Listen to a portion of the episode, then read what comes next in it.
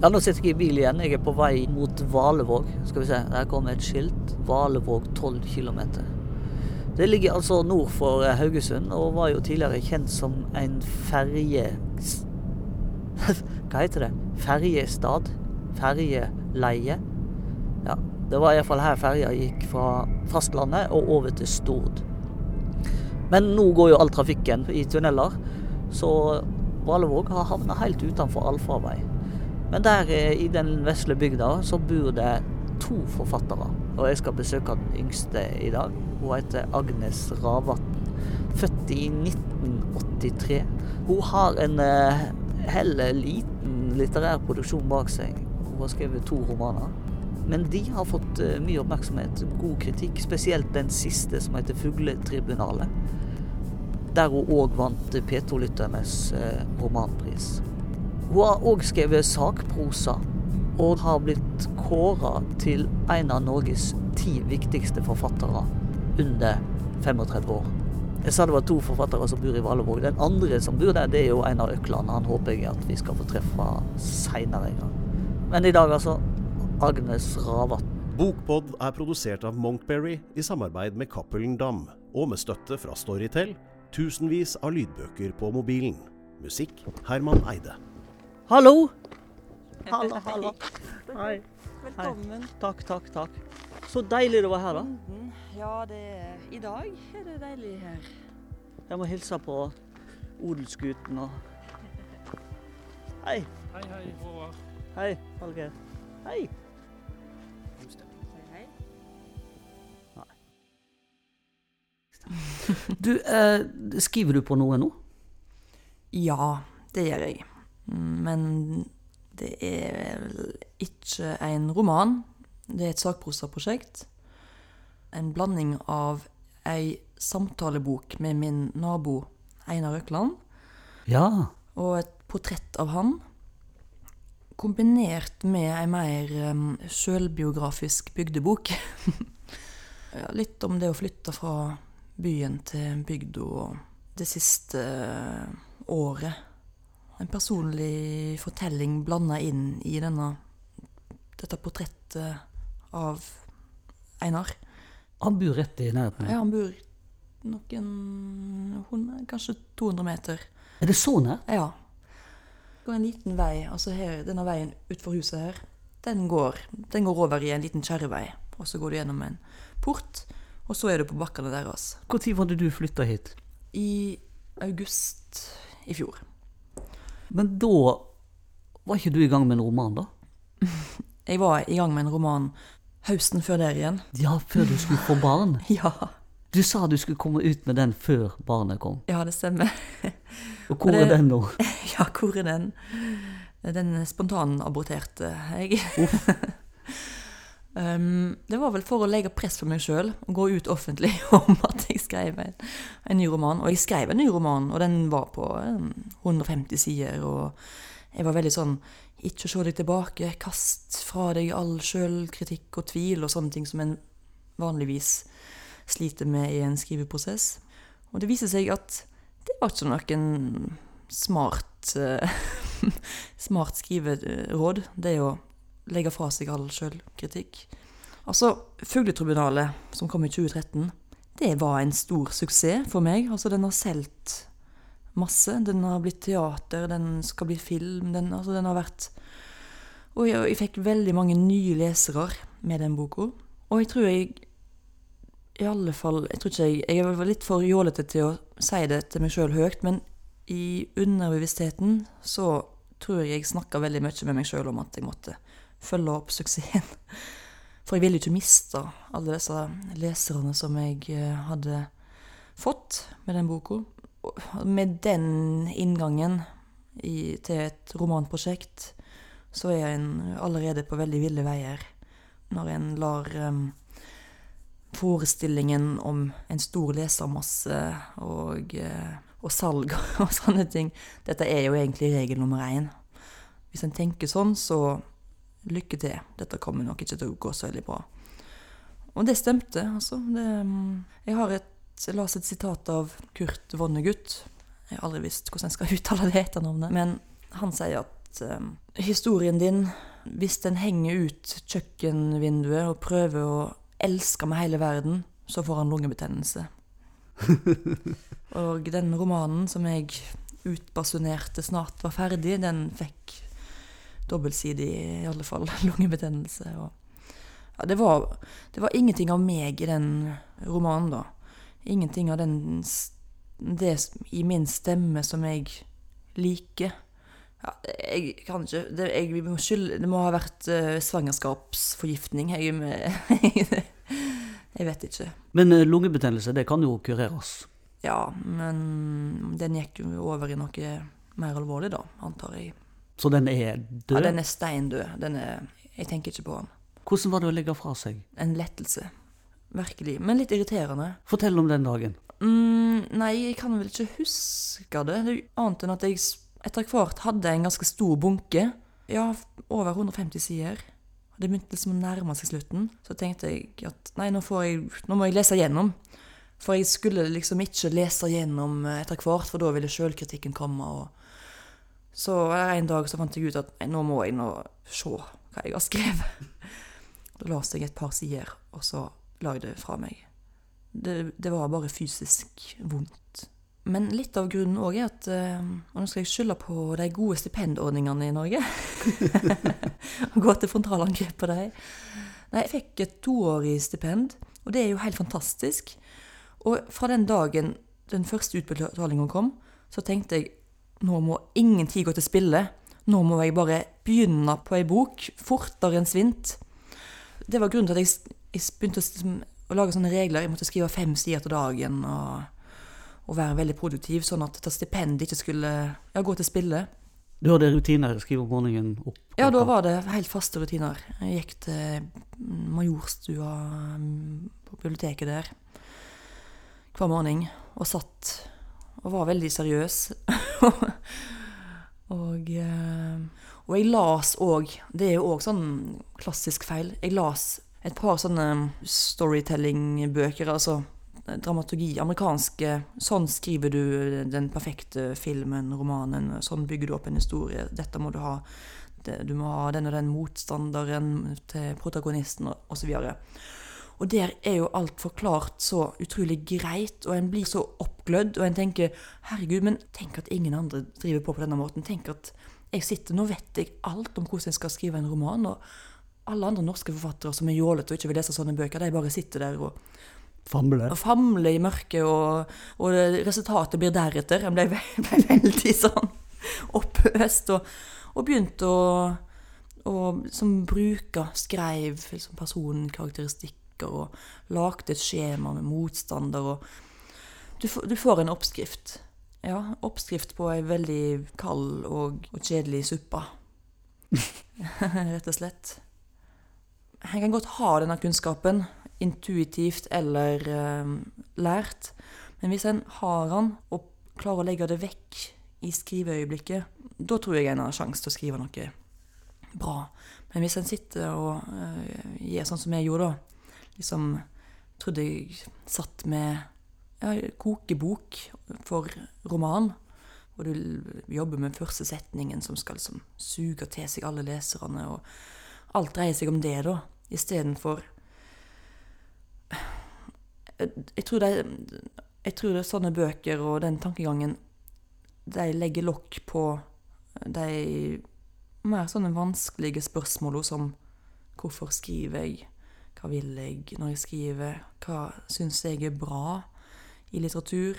Hva er vitsen med, med skriving? Hvor kommer lysten til å skrive fra? Hvor brenner det i meg? Og så videre. Sånne helt grunnleggende tanker som av og til kan gjøre det vanskelig å skrive, men som òg ligger der hele tida til grunn for arbeidet. Um, Leste noen eh, underveis? Uh, ja, sannheten er at jeg sendte det til redaktøren min. Fortsatt veldig oppglødd. Hun sa vel at um, ja, her, uh, her, er det noe interessant. Og så pekte hun på noe som helt sånn mikroskopiske forhold.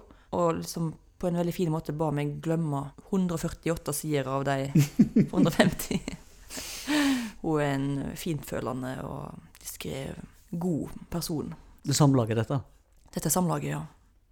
Hun, er sånn som jeg innbiller meg det er å, gå til i psykoanalyse. Hun sier ikke så masse sånn helt direkte hva som er problemet. Hun peker sånn vagt mot Se litt på den her eh, Det som skjer her. Og idet hun bare har pekt sånn forsiktig, så ser jeg veldig kjapt Å, herregud, har jeg virkelig skrevet Det er jo helt innlysende at en ikke skal være sånn. Altså. Du må si hvem hun er, da. Nei, Hun heter Kjersti Instefjord. Ja. Hun var redaktøren på Fugletribunalet. Og jeg tror at hadde det vært en annen redaktør, så hadde den boka kommet ut kanskje et eller et halvt år tidligere og vært ganske dårlig. Vi gikk mange runder. Jeg hadde lyst til å kverke henne til slutt. Men det var hennes eh, tålmodighet som gjorde at resultatet ble så godt. At hun gadd og orka å ta de siste kampene. For en blir skikkelig lei, og til slutt så er det sånn at en orker ikke mer.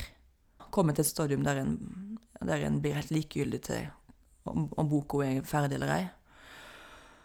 Når skriver du nå? Når på dagen? Ja, Har du noen rutiner nå? Ja, nå skriver jeg fra etter frokost og fram til lunsj. Og så sklir det litt ut. Men nå har vi jo har vi en sønn på snart 14 måneder. Og samboeren min er hjemme med han. Og han begynner i barnehage om to uker. Så jeg har bestemt meg for at fram til barnehage så, så er det ikke så nøye. Men om 14 dager, da begynner Da er det, da er det hasta la vista, baby, og see you. Nei, da blir det mer struktur på det, tror jeg. Men for, formiddagsøkta har jeg holdt hellig siden han overtok permisjonen. Ja, i august, da vi flytta her. Så jeg har fått et kontor oppe på kvisten. Da sitter jeg med hørselsvern og, og jobber. Og er ganske god på å holde den formiddagsøkta fri, helt fri fra distraksjoner og la telefonen ligge nede her. Og jeg tar ikke på datamaskinen når jeg kommer opp. Jeg skriver for hånd. Å, Ja. hvorfor skriver du for hånd? Det er fordi jeg har oppdaget, gjenoppdaga gleden ved det. Så syns, altså, for jeg skrev alltid for hånd før. Men så fikk jeg journalistjobb og hadde et kontor med datamaskin og internett. For første gang, egentlig. Og eh, vips, så hadde jeg uh, surfa vekk fem-seks eh, av mine beste år. Skrev veldig lite utover det jeg absolutt måtte skrive. Jeg kunne f.eks. bruke to uker på en artikkel som jeg i dag ville brukt to-tre dager på. Eh, Fordi jeg utsatte og utsatte og utsatte, og somla og somla og sjekka e-post og nettaviser eh, i hytt og pine for å utsette det litt tyngre arbeidet. Og det gjorde jeg i mange, mange år.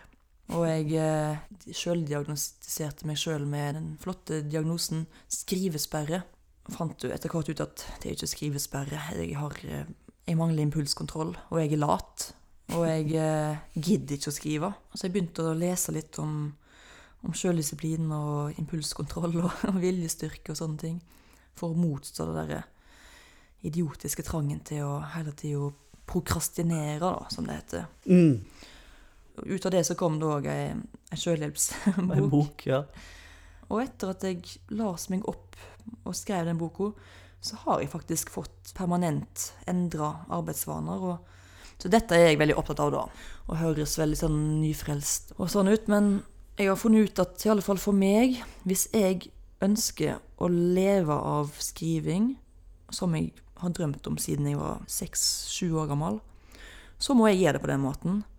For jeg må bare innse at jeg kommer aldri til å få mer viljestyrke og bedre impulskontroll, egentlig.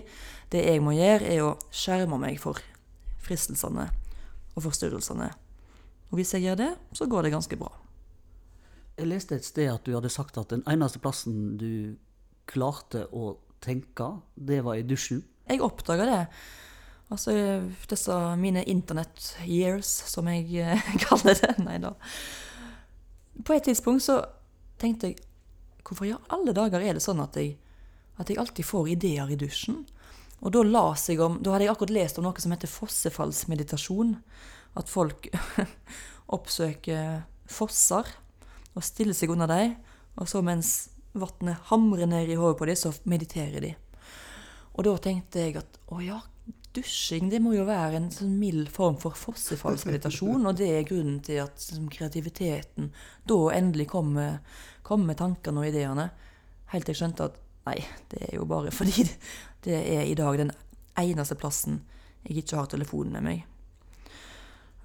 Og det som skjer når en, når en uh, har smarttelefon, er jo at hver gang det dukker opp en liten sånn tidslomme og en liten luke, så tar en opp telefonen og går inn og sjekker e-post eller nettaviser.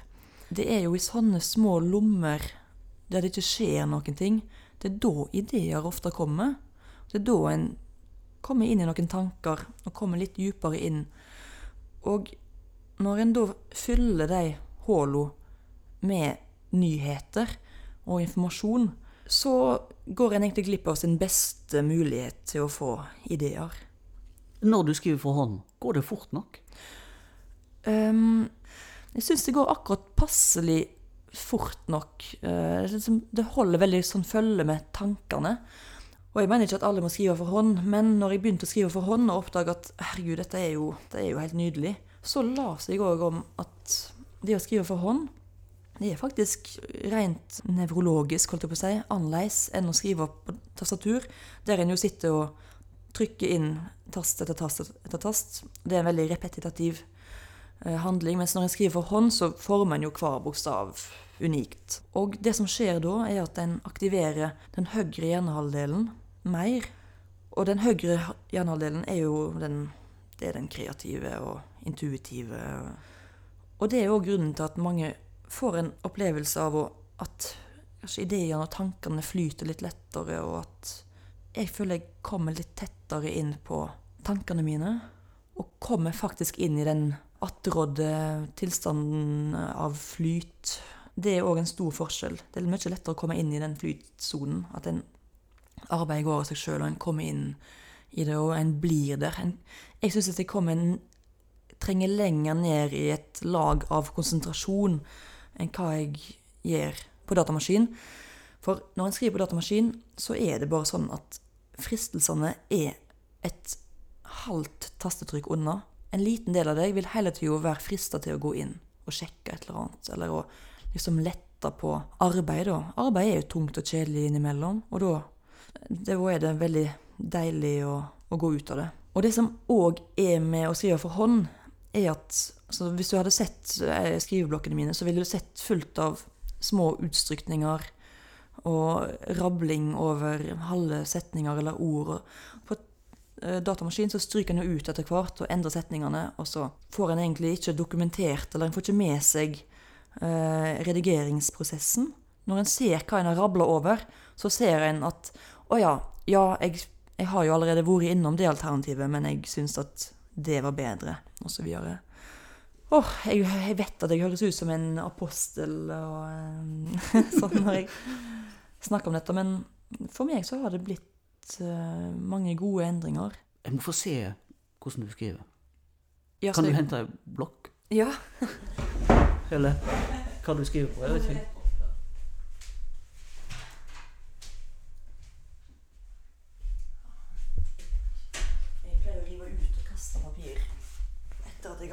Ting på trykk, for jeg syns det er så deilig å Du skriver vanlig blokk? Ja. Sånn og så skriver du opp ned, på en måte? Ja, jeg skriver sånn. Jeg har mange greier. Men uh, ja, sånn. Da ser du, så stryker jeg, og så omformulerer jeg setningene. Skriver du med blyant? Nei, jeg skriver med det, Dette er penn. Svart penn? Svart penn. Og det er jo Altså, OK greit. Jeg har slutta med Facebook og eh, e-postsjekking, men det jeg eh, strengt tatt har begynt med da, er jo penne- og papirresearch. du må ha en spesiell penn? Jeg har brukt uh, noen år på å finne den perfekte pennen. Oh, men nå har jeg funnet den. Ja, hva er det? Ok, Skal jeg si det? Ja. Den heter Det er et japansk merke, men den heter Platinum. Karbon Ink. En veldig fin fyllepenn som ikke er spesielt eh, dyr, men den har den helt perfekte spissen. Og den perfekte streken. Den er veldig tynn, og den er helt fantastisk. Og så har jeg brukt tilsvarende lang tid på å finne det perfekte papiret, og det er dette. Og det heter? Dette er um, Rodia Color, heter den. Greia med det papiret er at det er veldig glatt. sånn at det veldig, passer veldig bra til fyllepenn, fordi det, papiret må ikke være for uh, mjukt i, liksom i fibrene, for da um, blør blekket. Altså det, det Og så er det litt, litt gult. Det er um, elfenbein. det er ikke gult. Når jeg begynte å bli papiravhengig, så skrev jeg først i noen år, faktisk, på et helt gult papir. Jeg leste et intervju med Susan Sontag, der hun sa at hun alltid skrev på legal pads. Det er noen amerikanske skriveblokker med helt gult papir. I samme sekund som jeg leste det, så tenkte jeg jeg kan ikke skrive ett ord til før jeg får meg gult papir. Så til slutt så importerte jeg gult papir fra England. Og var veldig fornøyd i mange år. Men så plutselig så fant jeg dette papiret, som er litt mer kremfarga. Og da så jeg at det papiret jeg fram til da hadde skrevet på, det var for gult. Mens dette er perfekt. Nå har jeg funnet den perfekte pennen og det perfekte papiret, og jeg erklærer jakta for avslutta. Jeg kan ikke bruke mer tid på det, for jeg har brukt masse tid på det. Hvorfor har du kjøpt dette, da? Jeg bestiller det på internett. Nei, vet du hva? Nå kan jeg reklamere. Dette har jeg kjøpt på en butikk i Oslo. Den eneste butikken i Norge som bryr seg om papir og penner på Løkka, som heter Lush Dive. Jeg gjentar Lush Dive. Adresse Markveien et eller annet. Nei, Torvald Meyers gate blir det vel. Ja, vi har lov med reklame her. Det er lov, sant? Ja, ja, det er ikke vi så Her skal vi hjelpe folk. Så. Ja. Men kjøper du pennen der òg? Nei, de har ikke den pennen. Kultpens.co.uk? Nei, det Ja, men det er iallfall engelsk. Kultpens. Kultpens. Åh, det er en flott nettbutikk, det. Så jeg er ikke imot internett, som Nei. dere hører. Jeg elsker internett, men jeg vet veldig godt hva slags virkning det har på meg og mitt arbeidsliv. Du har blitt så herlig moralsk. ja. Jeg vet ikke om det handler om moral, det handler om, det handler om folkehelse. Jeg er opptatt av produktivitet og effektivisering og New Public Management. Jeg vil at biomassen, den norske biomassen skal produsere mer, ikke bare sitte der og sløve på Twitter. Du ble født i Haugesund, Ja, på sykehuset, på sykehuset. men du vokste opp i Ølen. Ja. Ølen det ligger jo um, ja, i Vindafjord ja, hvor ligger det? Jeg klarer ikke å, å Når jeg ser et kart Jeg har aldri lært meg hvor Ølen ligger. Jeg syns det er så vanskelig. Det ligger liksom på, på en ny plass hver gang. Men jeg er dårlig i lokalgeografi. Ja. Men det ligger jo eh, Jeg finner ikke Valevåg heller. Det ligger mellom eh, ja, Det to verdensmetropolene, Odda og Haugesund. Ja. ja, hvis du sier at det gjør det, så gjør det vel det. Det ligger en 50 minutter fra Haugesund. Ja. Og foreldrene dine de var innflyttere til Ølen. Ja. Mor mi er fra Sauda.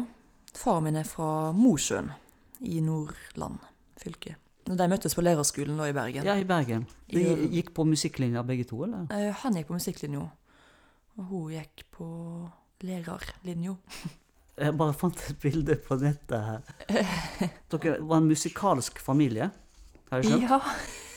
Her er et bilde da dere er hjemme i stua i Ølen. Du spiller fiolin.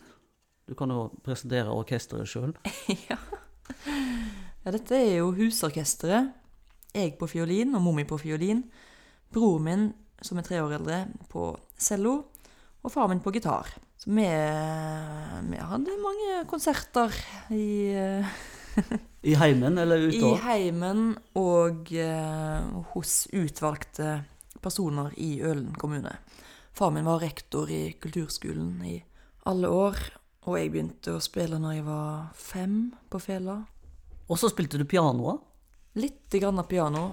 Hvor, hvor har du funnet denne informasjonen? Jeg har nemlig under prøvd å, prøvd å Har du, har du snakka med mamma? nei, jeg snakka med noen. Alt har jeg funnet på internettet. Å ja, det er internett.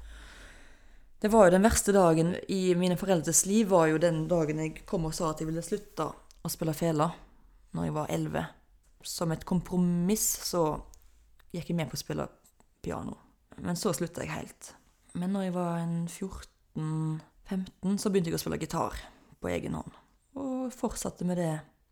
Jeg spiller jo gitar fortsatt, men bare bare til husbruk, for å si det veldig mildt. Akkorder, da? Men jeg spilte klassisk gitar på hele videregående, og hadde oh, ja. drømt om å bli klassisk gitarist.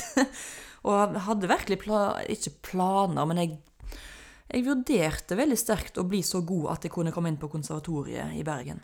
Og du skrev eh, veldig tidlig. Ja, fra jeg kunne skrive, og nesten før, så begynte jeg å lage historier. Og, og så, Foreldrene mine var jo lærere, og reiste stadig vekk på seminar og kurs. Ullensvang og Bergen og sånne. Og en gang når pappa hadde vært på kurs, så hadde han vært i Bergen, og kom hjem med et Lucky Luke til meg. Da var jeg fem. Og, men lærte vel egentlig å, å lese på den måten, for jeg fikk det bladet, Lucky Luke nummer 19. De første brødrene Dalton heter det. Og det fantes jo ingen annen måte å, å få vite hva som sto i de boblene. Jeg måtte bare Jeg lærte meg å lese omtrent over natta. Innbiller meg iallfall sjøl.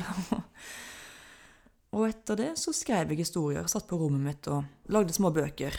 Norske dyr fra A til Å. Jeg skrev sånne mm, sakprosaverk, og så skrev jeg òg en del skjønnlitteratur innimellom. Som Dikt adspredelse.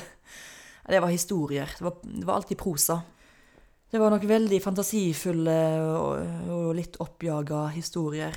Ofte litt sånn westerninspirerte og eh, alltid, Det var alltid en alltid en kineser som hadde vaskeri, liksom, i historien. For det hadde de alltid i Lucky Luke.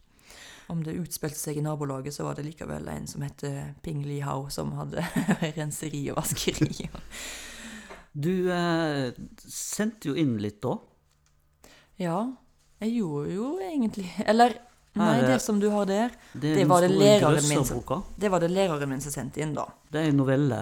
Det er du fått Klasse 9A ved Ølen skole. Ja. Uff, 9A. Det høres jo litt voksent ut, men dette er jo altså gamle åttende klasse for deg, da. Jeg var jo bare 14, 13-14. Men det var en bok som eh, Nei, en historie som norsklæreren min sendte inn til en konkurranse. Og så kom den med i ei bok. Og det var veldig stas. Men var det din historie, eller var det hele klassen sin? Det det var min historie. Hele klassen har fått æra for det her. nå. Ja, jeg vet det. Det er Egentlig litt eh, Men nå som du sa Men var det de historier, eller så gikk det et kaldt gufs nedover meg? For i alle år så har jeg båret på en hemmelighet. Den historien Det er ikke direkte plagiat, men den var litt inspirert av Nei, vet du hva, når jeg tenker meg om, det er plagiat. Jostein Gaarder.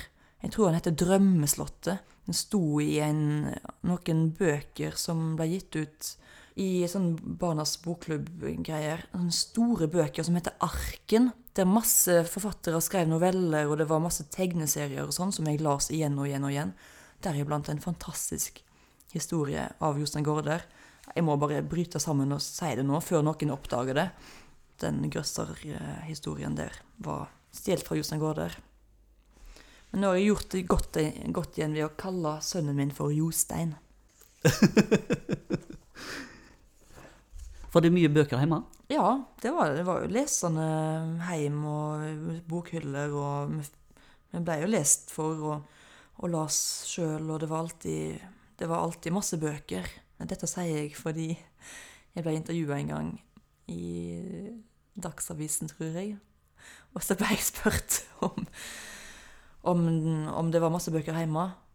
Og så kanskje jeg ville framstå som en litt sånn self-made forfatter. Så jeg dro litt sånn på Nei, det var jo ikke noe spesielt. Og så og, eh, og det var trygt å si, for foreldrene mine leste ikke Dagsavisen. Men det ble jo lagt ut på det forbanna internett. Og mor mi Jeg tror ikke hun ringte, men hun, eh, i hvert fall neste gang vi snakket, så sa hun Og forresten, en liten ting. Var det lite bøker der du vokste opp? Og så Nei, nei, jeg, det var ikke det jeg sa. Det kom feil ut. Jeg tror mm, han misforsto, og jeg ba ikke om sitatsjekk. Og så etter det så er jeg nøye med å Det var masse bøker. Det var massevis av bøker. Det bugna. Men det var det, altså. Men jeg leste nok mest tegneserier, det skal sies. Men åtte år gammel så visste du om Dag Solstad, Ja, men det Og og Jan var Kjærstad. nok fordi og hva eh, forlag de var på. Ja, men det var på grunn av eh, sånne bokklubbkataloger og sånn. Det var det kjekkeste som fantes. Det var når de kom. Og det å lese om, se bilder av bøkene og omslag, og lese disse korte, små Det fascinerte meg tidlig. At ett forlag heter Oktober, og et annet heter Pax, og ett heter Gyll... Det var jo, det hørtes så fint ut. Tiden forlag. Det var så flott. Samlaget var jo selvfølgelig aldri bokklubbøker, så det visste jeg ikke om før seinere. Jeg var helt åpenbart opptatt av både forfattere og ja, forlag, syns jeg det var fascinerende. Det var vel sikkert uh, Pokémon for meg.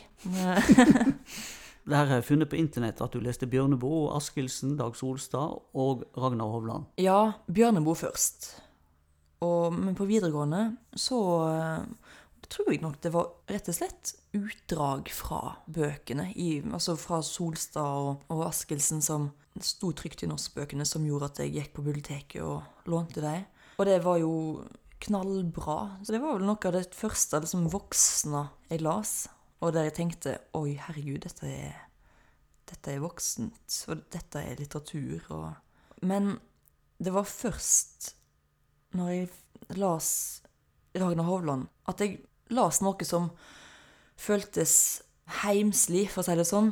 Altså Solstad og Kjærstad og Askildsen Det var jo det var litteratur. Det var liksom de forestillingene en har om hvordan litteratur er.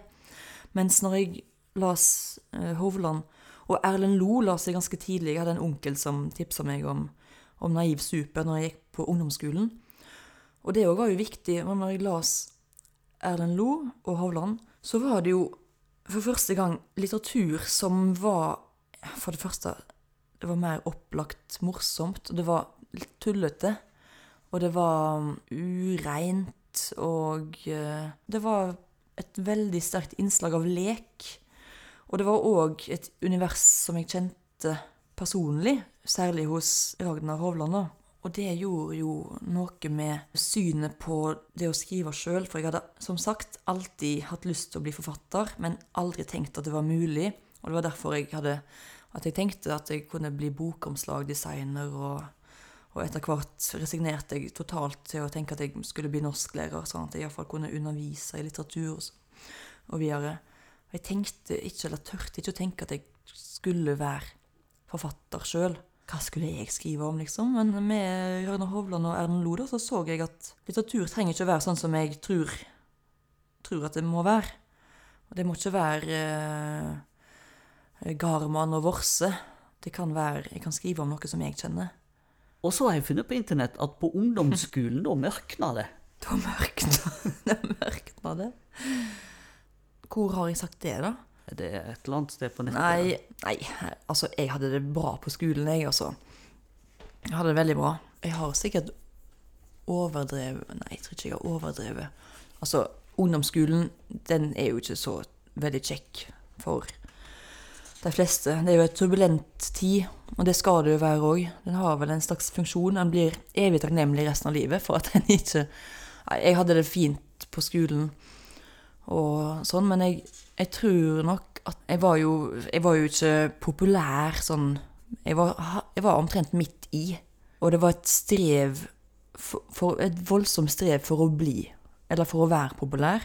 Det, var- det kosta utrolig masse krefter. Og jeg tror at på et tidspunkt så kapitulerte jeg litt. Og tenkte nei, dette orker jeg ikke å være med på. Og jeg begynte annet å bli mer interessert i musikk. Jeg tror ikke jeg la så forferdelig mye på den tida, kanskje. Men jeg, jeg fikk meg litt andre venner som òg var litt uh, lenger ned på stigen. Og det var så avslappende. Herregud, hvor greit det var. Istedenfor å drive og knive i, om å komme seg inn i toppen, eller holde seg inne. Det var jo som inn og ut hele tida. Det sugde utrolig masse krefter eh, fra de som befant seg i det sjiktet.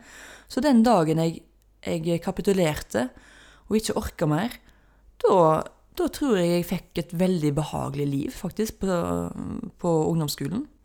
Og jeg husker iallfall de to siste åra som veldig fine. Du var 15 år da du flytta til Stord?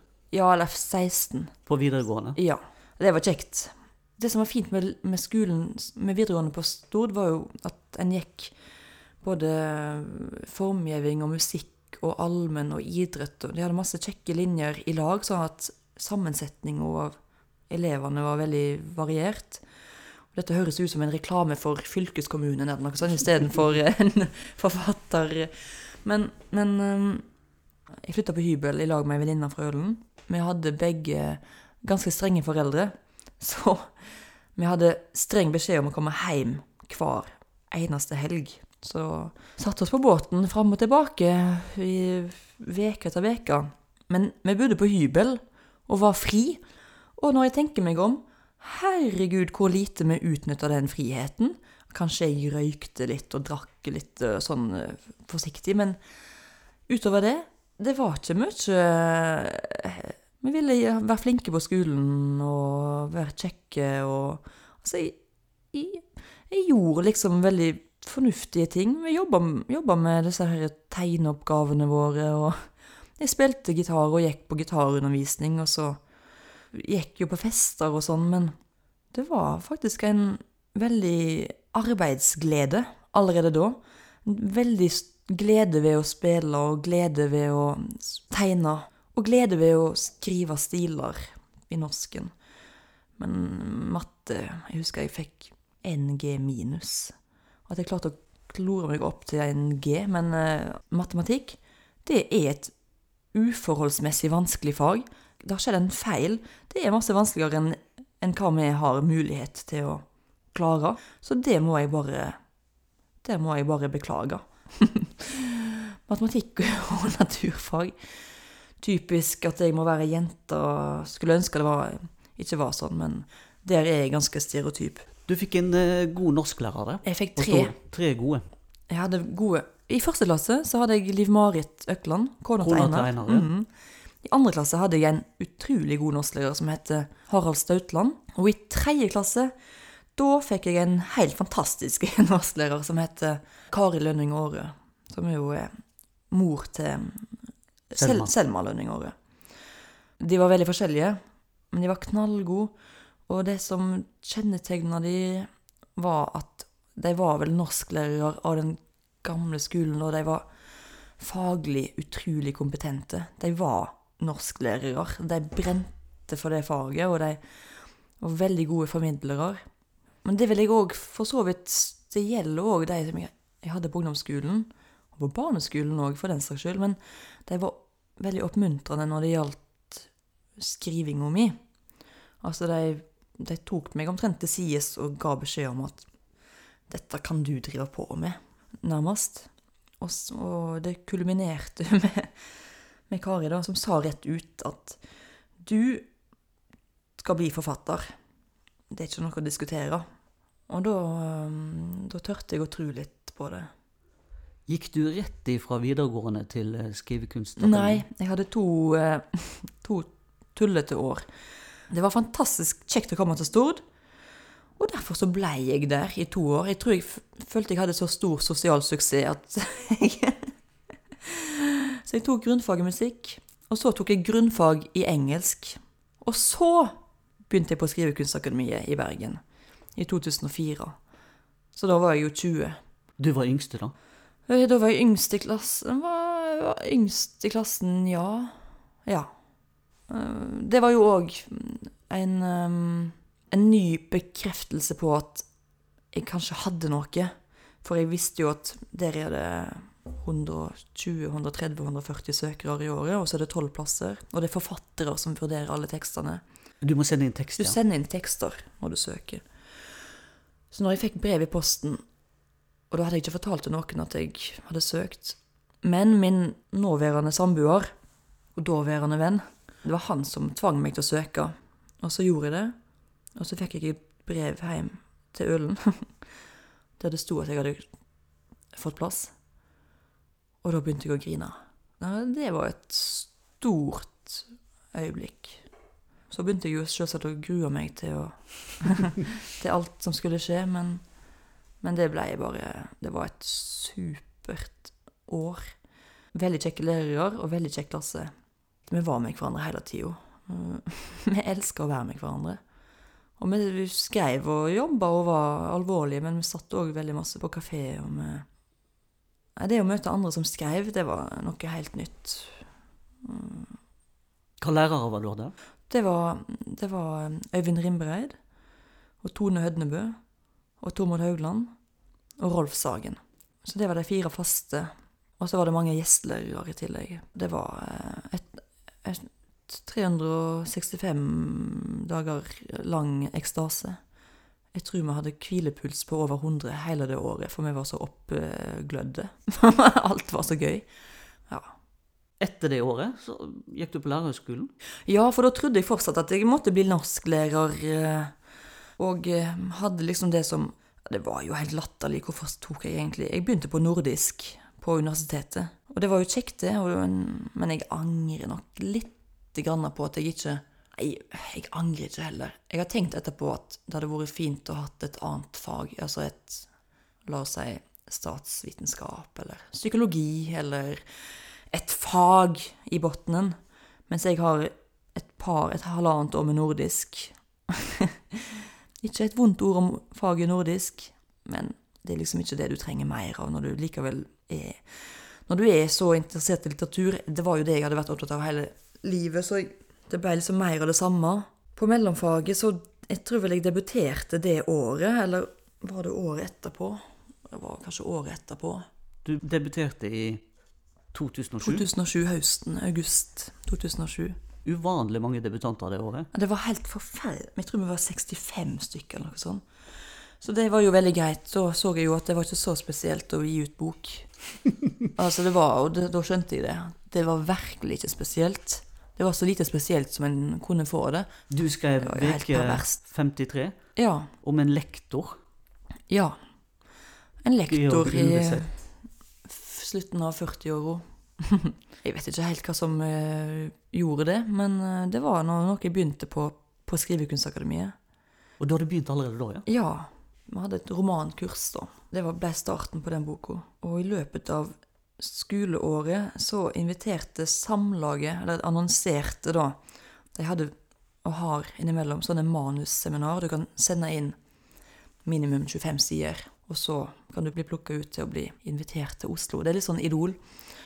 Idol, idol for uh, tullinger. Og da blir du invitert til Samlaget, eller på et hotell. Og så får du manuset ditt gjennomgått av en redaktør og konsulent på Samlaget. Og det ble både jeg og to andre i klassen det året, som reiste til Oslo. Vi var helt totalt nervevrak. Sov ikke et sekund den natta, natta før eh, seminaret. Jeg skulle vært på gruppa med, med Einar Røkland og Guri Vesaas. Hun var redaktør, og han var konsulent på Samlaget. Og så var vi tre forfatterspirer. Jeg var så nervøs. Og, og skulle, min tekst skulle bli gått gjennom til slutt den dagen. Så det bare bygde seg opp og bygde seg opp og bygde seg opp. Og jeg hadde aldri møtt Einar Røkland før. Og han er jo en person som snakker masse. Så når vi skulle snakke om mitt manus, så babla han i vei, og bare en liten brøkdel av det han sa, handla vel egentlig om manuset mitt.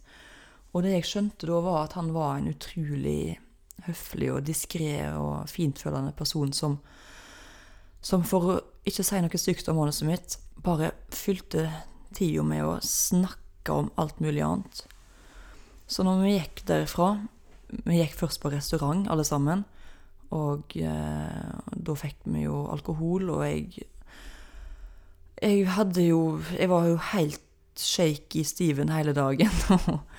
og så fikk vi alkohol, og jeg var så oppglødd. Og jeg fikk møte min store, store, store store helt Arne Hovland. Det var jo det som var verst av alt. Jeg var bare det at han liksom sirkulerte i, i, i lokalet der jeg var, det gjorde meg helt eh, Jeg var helt på randen. Så etter denne middagen så skulle vi gå videre til en bar. Og eh, etter det restaurantbesøket så var jeg blitt sikkert ganske berusa. Jeg gikk mot herr Nilsen, og det var i mars, og det var sånne brøytekanter med masse isklumper. Jeg gikk på andre sida av veien som Einar og Ragnar og Så da brøyt jeg løs en bowlingkule stor isklump som jeg slengte mot deg, og traff Einar i skuldra. Hvis han hadde truffet han i hodet, så tror ikke jeg Så jeg tror ikke jeg vi hadde vært så gode venner som vi er i dag. Han bare utstøtte et skrik, og så gikk vi videre. jeg Skal bare si en bisetning her, at Ja. du har jo sagt før at jeg forandrer personlighet i fylla. Jeg blir Ja. og respektløs. Ja, ja det, var et ut... det blir ikke nå lenger, forresten. Det tilhørte ungdomsårene mine. Nå blir jeg bare Nå går jeg hjem. Men i alle fall, dette var en lang historie som egentlig skulle ende i at jeg skulle kaste manuset mitt i søpla, i og med at Einar Røkland hadde hele, brukt hele dagen på å ikke snakke om det. Så jeg skulle kaste det i søpla. To uker etterpå så fikk jeg en telefon fra Samlaget om at manuset mitt var antatt. Og at Einar Økland hadde sagt at det manuset til hun Ravatn, det måtte bli bok. Boka kom ut, Ja. Og den fikk eh, Blanda. blanda, kan man si. Den fikk de to, to, to eller tre første meldingene var ganske negative.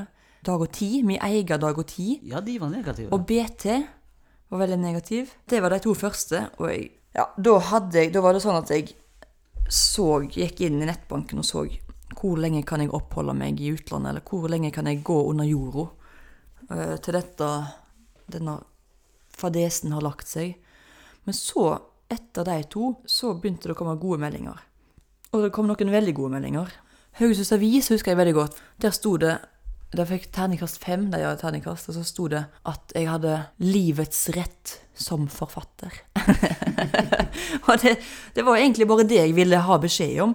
Jeg trengte ikke at noen skulle fortelle liksom, hva som var bra og hva som var dårlig med boka.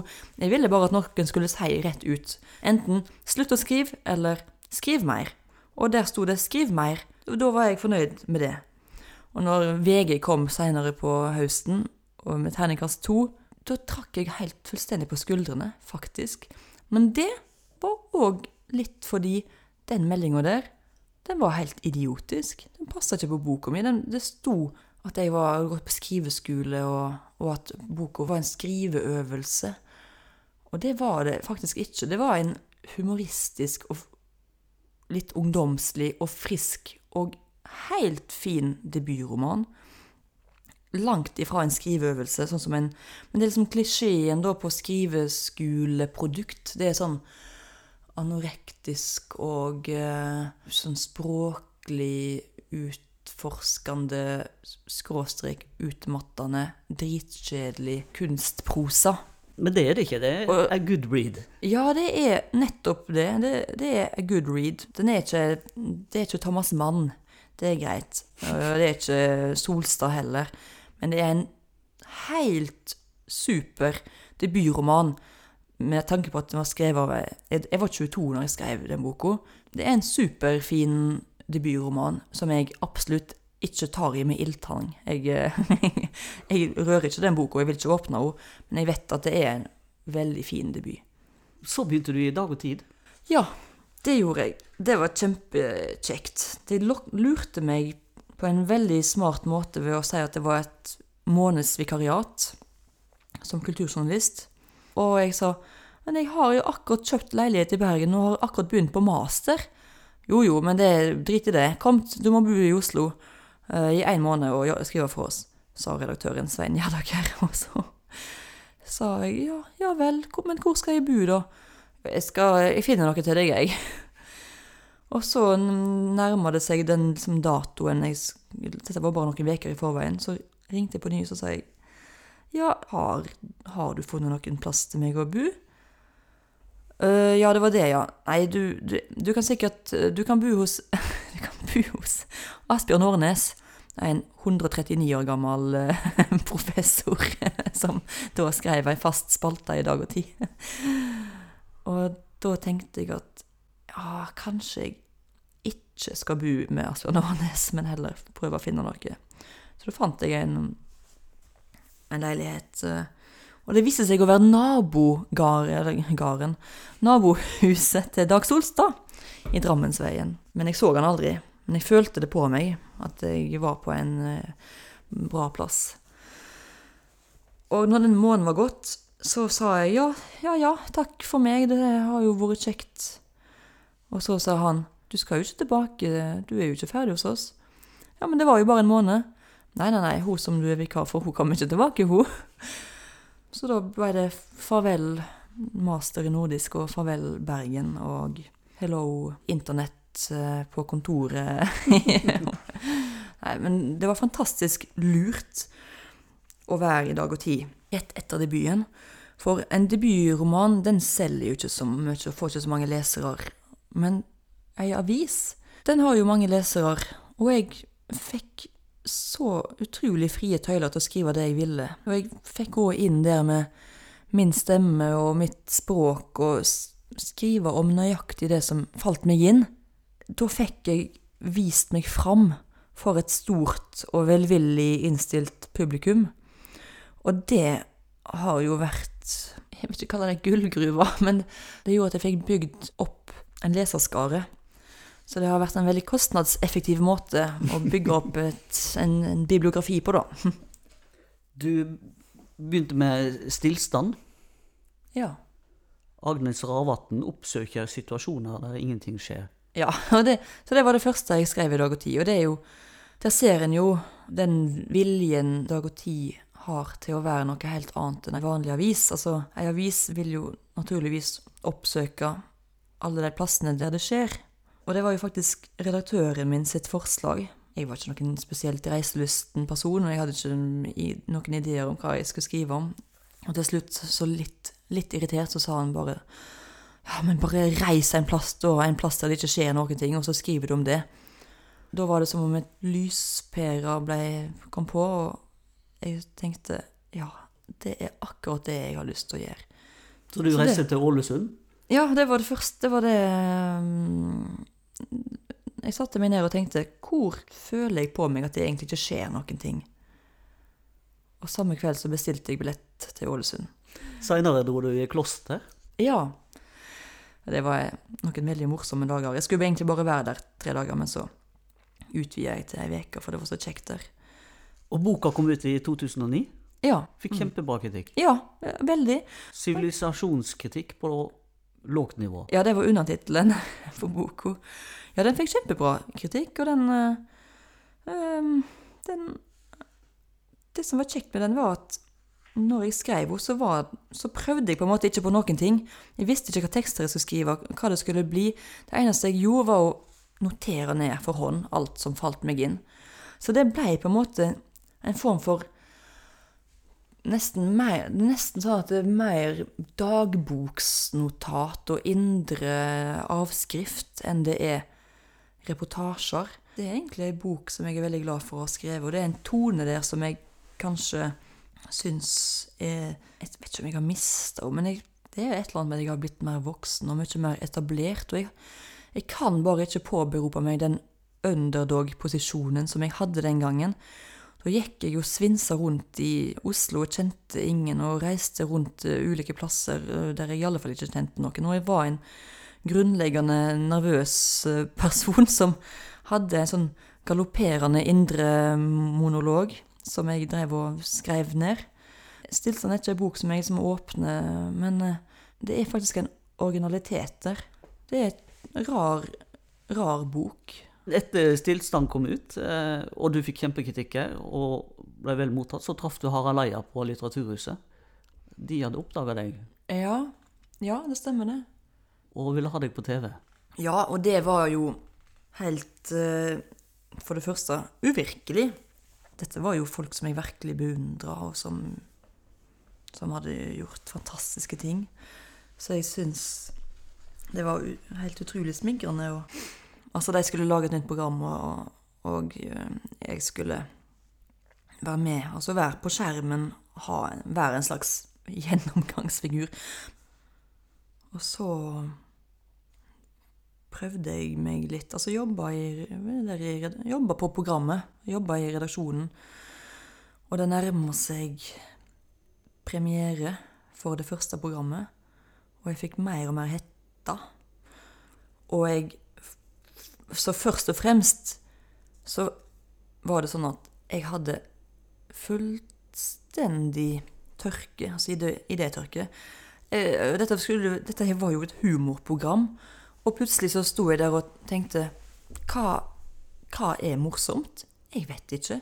Bare ramla ned i et teppe.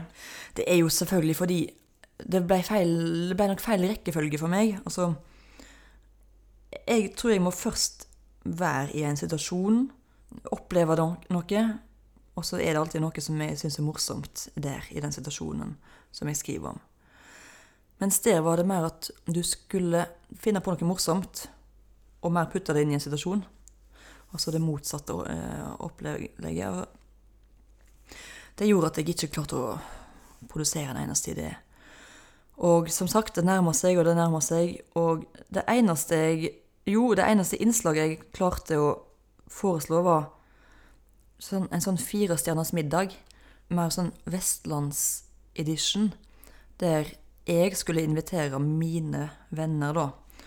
Som da skulle være eh, Jon Fosse og eh, to andre liksom, vestlendinger. Og at det skulle være det motsatte av hvordan firestjerners middag er i dag. Og det skulle være helt sånn Alle satt helt stille, og ingen sa noe. Og, og vi sendte e-post til Jon Fosse og spurte om han kunne tenke seg å være med på den sketsjen. Og han sa ja. Og da fikk jeg sjokk og angst. Men så fikk jeg kontrabeskjed fra Jon Fosse. Han, da, da dikta han opp at han måtte til Kina. Veldig god. Så han skrev at eh, 'jeg kan ikke bli med'. Så skrev jeg tilbake 'Å, du er så heldig som skal til Kina, jeg har heller ikke lyst til å gjøre det'. Så skrev han tilbake 'Men du trenger ikke å gjøre det, Agnes'. Husk at Et eller annet sånn om at eh, Men disse- ikke gjør det, da. Tenk gjennom hvem du vil være. ja, tenk gjennom hvem du vil være, Agnes. Så skrev jeg tilbake til Jon Fosse. Tusen takk. Nå har jeg bestemt meg for å trekke meg. Jeg òg. og så ringte jeg til Harald og sa Etter to Fernet Branca. Ja, to Fernet Branca på formiddagen. Men eh, så ringte jeg og forklarte situasjonen, og han forsto og var veldig grei. Så det ble ikke noe trøbbel med det. Det er en forskjell på folk som vil skrive, og folk som vil være på TV, faktisk. Begge personene er, har et element av ekshibisjonisme i seg. At en, en vil vise fram seg sjøl eller det en har lagd.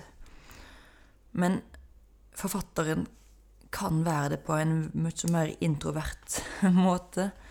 En kan sitte der, og en trenger ikke noe annet enn penn og papir. Og så kan en skape alt på arket og i hodet sitt. Og så er en ferdig. Jeg tror en skal ha en, et helt annet energinivå.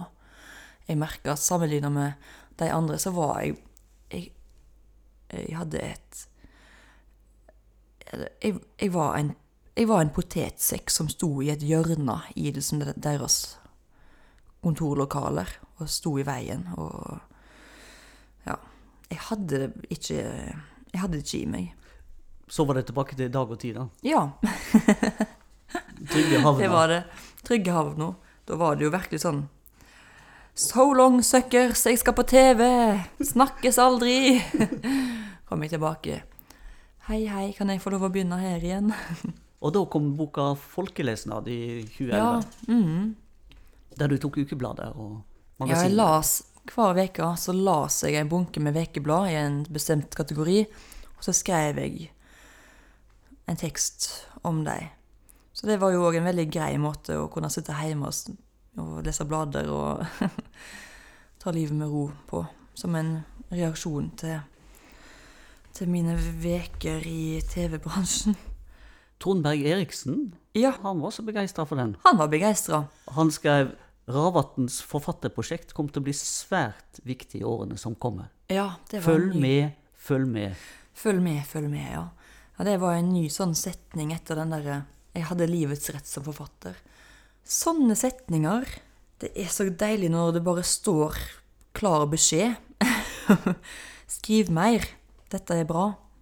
I 2013 da kom Fugletribunalet, Mm. som var noe helt annet. Ja, egentlig. De, den morsomme det- Det var noen Agnes. element av den gamle meg, men, men mindre og mindre utover boka. Men det kan du se. Du begynner høyt Ja. opp, og så går du inn i et alvor. Ja, det var ei bok som jeg ikke visste hvor skulle. Og det var egentlig en ideell skriveprosess. Jeg hadde et utgangspunkt, to personer og en situasjon og et hus, veldig litt avgrensa, lite sånn Ja, en leser kalte det for laboratorium, som jeg syns egentlig er veldig godt sagt, og, og litt presist. Jeg hadde et laboratorium og et eksperiment. En kjent kvinne som har vært på TV, Ja, som har gjort et eller annet, ja noe ikke så, så heldig. Hun og så rømmer hun til landsbygda. til landsbygda og tar inn eh, Hun får seg en eh, post som hage- og hushjelp. Hushjelp og gartner. Ja. Og eh, i eh, huset så bor det en mann som blir hennes arbeidsgiver, og det er bare de to der. Og jeg visste ikke hvem hun var, eller hvem han var, eller dette skulle, hva dette skulle handle om, eller hvordan det skulle gå. Underveis eh, ble jeg, visste jeg jo mer og mer, men det er en ideell skriveprosess for meg.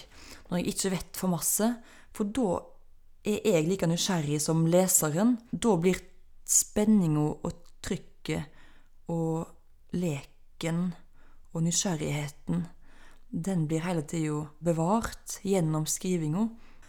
Sånn som den boka som en, eller manuset som jeg nevnte helt til starten, et der eh, 150 siders forkasta Der visste jeg hva som hadde skjedd. Jeg visste alt. Jeg skulle egentlig bare, Jobben var bare å skrive det. Og det var òg den store feilen. Så der er det jo forfattere delt i to, og sikkert mer. Men en del vil ikke vite, eller vet ikke hva som skal skje.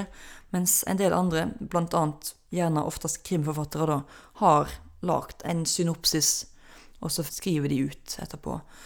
Og for meg så Det tror jeg ikke noensinne kommer til å funke noe særlig for meg. Jeg vil være med på leken, for å si det sånn. Jeg har lyst til å være nysgjerrig sjøl når jeg skriver, og lure på hvor dette skal, og hva det er. Du fikk eh, P2-lytternes romanpris. Ja. Og så ble du kåra av Morgenbladet til en av de ti viktigste forfatterne. Ja. Hvordan var det? Nei, det er nok en gang en veldig fin beskjed, eller løypemelding, kan jeg kalle det. Jeg tror nok at jeg er den typen som kanskje ikke hadde stått på etter den 30. refusjonen. Jeg tror ikke min skrivetrang altså Den fins jo der i utgangspunktet, så, så har jeg jo en skrivelyst og en skrivetrang. Men den er jo blitt holdt ved like, den ilden er jo blitt holdt ved like ved at, ved at jeg har hatt medgang, og at det har både vært At det har vært lystbetont fra min side, og at responsen hele tida har vært bra. Bare kjør på. Det er, det er akkurat det jeg trenger. Jeg trenger ikke at noen gir meg beskjed om i hva retning jeg skal, men, men eh, hvis de gir beskjed om å fortsette sånn omtrent, omtrent framover og i samme tempo, så er det fint. Det, vi heier på deg.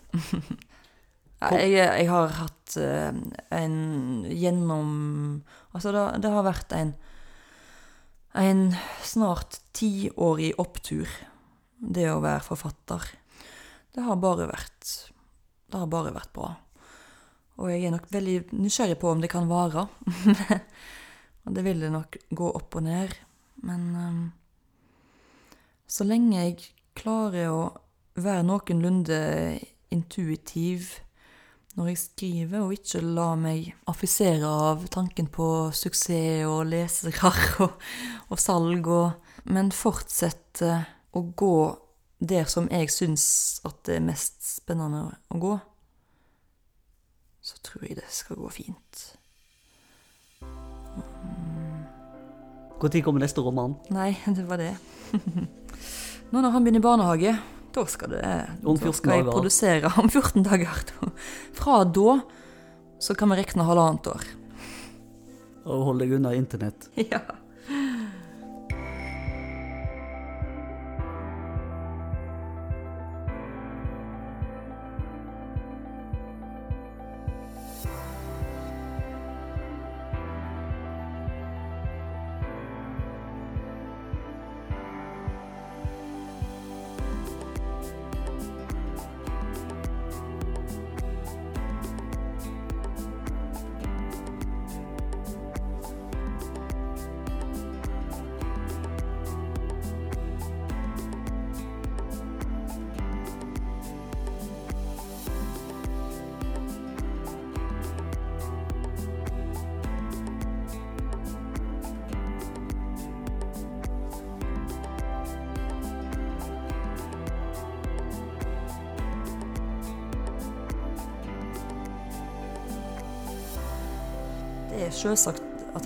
Litt mer strukturert òg når en får barn. For plutselig så blir tid blir noe helt annet.